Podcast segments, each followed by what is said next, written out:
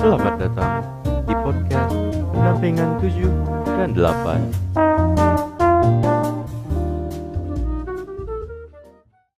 Five, four, three, two, one, tutup pintunya.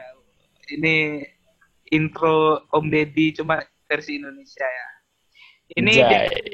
anjay penjara bos. Oke kita kita eh, dari pendampingan 7 sama berapa nih?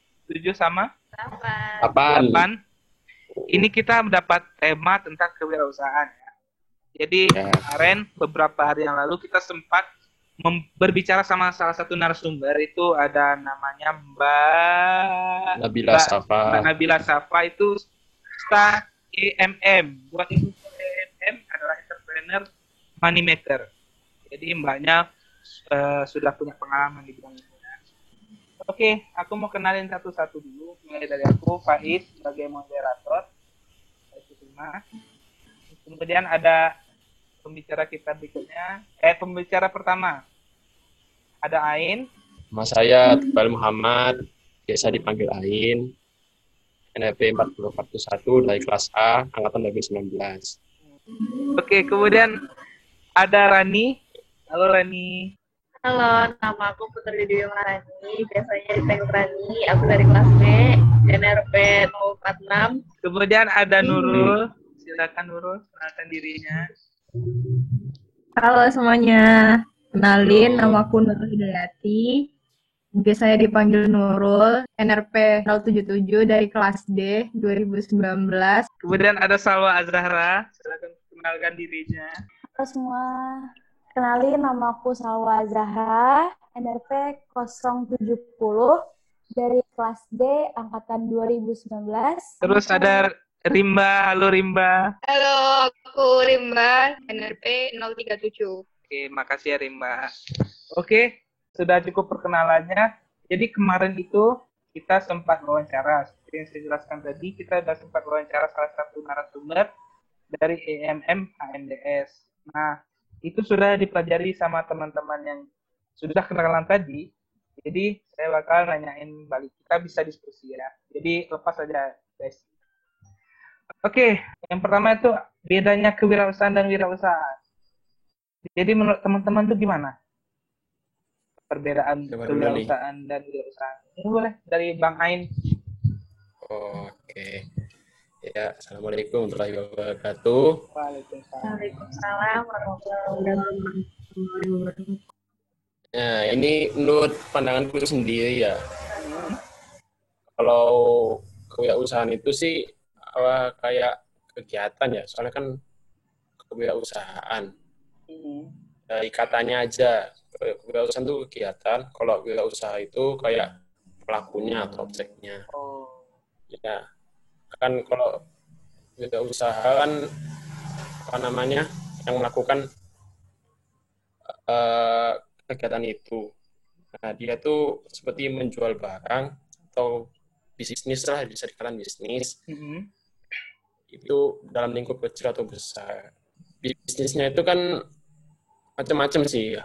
Bisa dari jasa, barang, barang itu bisa makanan, ah, apalah, banyak lah macamnya kayak gitu. Oh, jadi intinya tuh kewirausahaan itu kayak kegiatannya, wirausaha eh ya wirausaha itu orangnya. Urusan itu, ah, wirausaha orangnya. Oh. Kemudian nih, pertanyaan kedua yang sangat sering ditanyain orang awam. Ini aku tanyain ke Mbak Rani aja ya. Skill yang harus dimiliki seorang wirausaha wirausahawan itu apa ya? Kalau kemarin, berdasarkan hasil wawancara yang aku dengar dari narasumber mana Mbak Nabila Safa, Hmm. skill-skill yang harus dimiliki oleh seorang wirausaha itu pertama harus niat dulu. Menurut Mbak Safa Mbak Nabila sendiri itu niat itu yang paling penting. Terus yang kedua selain niat itu harus dibarengi sama kreativitas terus punya ide-ide baru atau inovatif untuk mengembangkan em, apa ya untuk mengembangkan usahanya kalau udah punya niat terus dijalani dengan penuh kreativitas dan juga ino- eh, ide-ide yang inovatif. Selain itu, pada saat berjalannya juga harus berani nih ngambil resiko sama Hmm. harus pantang menyerah supaya nggak berhenti di tengah jalan aja. Berarti niat, kreativitas, terus eh, pantang menyerah, dan berani ambil risiko yang lain. Oke, ini aku mau nanya sama Mbak Salwa mungkin. Pentingnya mulai bisnis. Menurut Mbak Salwa. Menurut aku pentingnya memulai bisnis. Mhm. eh penting banget sih. Maksudnya dari seumuran kita ya. Jadi kalau misalnya kita udah mulai bisnis, apalagi dari seumuran kita yang masih bisa dibilang muda kan. Mhm. Jadi itu bisa ngebantu uang jajan kita juga nggak sih? Aku mikirnya sih gitu.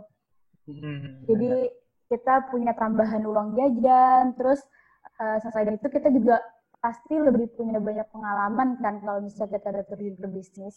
Benar, benar, benar banget. Nah, pengalaman. Pengalaman pengalaman. penting banget sama kan kalau dari bisnis kita bisa nambah relasi. Nah, benar. Oh, nambah teman ya Mbak ya. Jadi, Ya, benar. oh, iya. Dari bisnis pasti kita ketemu sama orang-orang yang yang pastinya keren-keren banget. punya pengalaman yang itu ya, maksudnya bisa bagi Bisa ilmu, bisa sharing. Bagi ilmu, uh, punya pengalaman- pengalaman dan cerita masing-masing itu buat ilmu kita. Kemudian kalau seandainya eh, ada juga orang yang belum menemukan passionnya, itu gimana ya nanya ke biar mereka bisa berusaha berwirausaha juga menurut kalian? Eh, kalau menurut aku tadi kan pertanyaannya eh, Mhm. kalau misalnya orang itu belum menemukan passion ya, Iya. Hai. tapi pengen nyoba untuk terjun ke wirausaha. Iya. Menurut aku sih bisa aja. Mhm. Eh, jadi itu eh, eh, sesuai pengalaman ya dari yang kemarin Mbak Nabila cerita juga Mhm. juga sebenarnya eh, dia wi- wirausaha itu di bidang konveksi padahal mbaknya itu passionnya bukan di situ kan Mhm. Ya. lambat laun si mbaknya pun eh, kayak ngerasa mulai nyaman mulai Oh. nyaman dengan usaha yang dia jalanin jadi menurut aku eh, kalaupun kita belum menemukan passion seenggaknya tadi eh, kita berani dulu buat eh, Coba. berusaha. Iya, iya, ada bisa coba dulu. iya. Iya. nyoba dulu terus sekarang kan kayak banyak kayak kita bisa jadi reseller kita Hmm, bisa ngambil dari gudang Hmm. Iya, iya, bener Kalau sih. sekarang tuh kayak apa ya drop drop drop shipper Dropship. namanya jadi ya, Dropshipper. drop- Ah, jadi kita nggak perlu ada modal nggak perlu punya online shop kita tinggal mesen ke orang nanti langsung dikirimin sama si pemilik pabriknya itu gitu Oh, lebih simpel ya sekarang sekarang ya. tuh lebih instan gitu Hmm. Oke, kita lanjut lanjut pertanyaan berikutnya ya. Kemudian kita mulai ini. Ini kemarin kita sudah ngobrol juga sama Mbak Nadila. Mungkin teman-teman bisa jelasin lagi. Di ITS itu pengembangan kewirausahaannya itu seperti apa ya? Eh, kalau dari yang aku tahu ya, Hmm. kan eh, wadahnya itu ITS itu ngasih kita juga LKMW latihan keterampilan dan manajemen memasuki usaha. Jadi kita Iya. tuh dilatih selama beberapa hari eh, biar kita bisa mengembangkan sebuah kewirausahaan. Terus ITS itu juga punya IET, ITS, Youth Technopreneur. Itu tuh Hmm. sebuah program pendanaan sekaligus pembinaan bagi KM ITS yang ingin terjun ke dunia usaha berbasis teknologi. Jadi itu, itu tuh langsung dari ITS. Berarti ini lebih kayak pengembangan itunya ya, ya wawasan dan skill tentang kewirausahaan ya.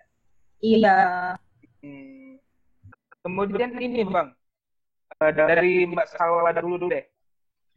Bisnis yang dikembangkan mahasiswa sendiri. Mahasiswa ITS kan banyak itu teman-teman yang uh, punya ide bisnis, yang udah buka online shop. Mungkin Mbak Salwanya tahu apa aja ya? Kalau yang mahasiswa ITS, aku tahu ada udah saya juga jamur ya. Itu Oh, kan dari mahasiswa ITS. iya, iya. Dan itu udah, udah terkenal banget kan. Nah, kalau buat di HMD sendiri, aku belum nemu, bukan, ya kayaknya dia belum nemu sih, belum nemu yang benar-benar terkenal segitu jamur. Tapi sih tahu aku yang udah mulai uh, merintis bisnis bisnisnya ya, di mahasiswa HMD sendiri itu udah banyak banget banyak banget online shop yang didiriin sama mahasiswa sama mahasiswa HMDS mulai dari makanan, make up, sama fashion itu semuanya ada pasti. Hmm, iya ya, memang banyak sih mbak. Kemudian tadi kita sempat bahas eh, apa nyinggung EMM juga ya. Ini ini kan EMM menaungi wirausaha mahasiswa MNS. Syarat dan ada syarat dan kategorinya enggak untuk berwirausaha? Terus prokernya ada apa aja? Dari Mbak Rani nih, Mbak Rani ini dulu. Oh ya, aku yakin kalian itu udah pernah dengar kalau misalnya di HMDS ini ada satu departemen khusus untuk ngurusin tentang kewirausahaan yang ada di DTIS ini atau kewirausahaan yang dilakuin oleh mahasiswa DTS. Nah, nama departemennya itu Entrepreneur and Moneymaker atau biasanya disingkat EMM. Nah kemarin pas aku wawancara sama Mbak Nabila Safa, Mbaknya tuh bilang gini kalau misalnya ada beberapa broker yang harusnya dijalani tahun ini, tapi karena adanya pandemi, brokernya itu ditunda dulu untuk sementara. Beberapa broker dari EMM ini contohnya seperti EMM Market, yang biasanya jualan di setiap hari Rabu di gas kayak 1, 2, atau 3. Terus ada juga jualan merchandise seperti stiker, gantungan kunci atau gelang dan juga dan lain sebagainya. Ada juga broker baru dari EMM yaitu Bisday atau Business Day yang sebenarnya mau dijalanin tahun ini tapi karena adanya pandemi Bisday ini ditunda dulu untuk sementara di Bisday ini ngapain aja sih? Di Bisday ini adalah hari di mana mahasiswa yang punya jualan itu bisa jualan di kampus atau jualan sesama mahasiswa. Soalnya kan sebenarnya kalau mau jualan itu ada peraturannya sendiri. Nah, makanya EMM ini bikin proker di mana ada hari, ada hari di mana mahasiswanya itu bisa jualan di sekitar kampus. Nah, sistem jualannya tuh kayak bazar gitu. Jadi bisa jualan bisa mewadahi berbagai jualan yang ada dan juga berbagai jualan yang dijual oleh mahasiswa DTS-nya itu sendiri. Oh gitu, keren ya prokernya. Jadi buat teman-teman mahasiswa yang memiliki wirausaha, EMM, SRD, HMDS, ITS pun sudah menyediakan proker. Nanti kalian bisa promosikan secara langsung usaha kalian tersebut, ataupun kalian langsung jualan di sana. Nah, sesuai yang dijelaskan Rani tadi, walaupun ditunda, tapi kalaupun seandainya jadi atau tahun berikutnya setelah COVID ini selesai, itu peluang kalian banget untuk mempromosikan dagangan kalian atau usaha kalian. Nah, tadi itu sudah pertanyaan dan jawaban terakhir ya. Ini menjadi penutup dari podcast kita hari ini. Terima kasih untuk pembicara, terima kasih buat pendampingan 7 dan 8, dan terutama terima kasih buat para pendengar telah menyempatkan waktunya malam ini. Buat teman-teman tetap jaga kesehatan, jaga jarak, tetap di rumah aja, stay safe. Eh, thank you. Lebih dan kurangnya mohon dimaafkan. Assalamualaikum warahmatullahi wabarakatuh. Terima kasih telah mendengarkan podcast pendampingan 7 dan 8.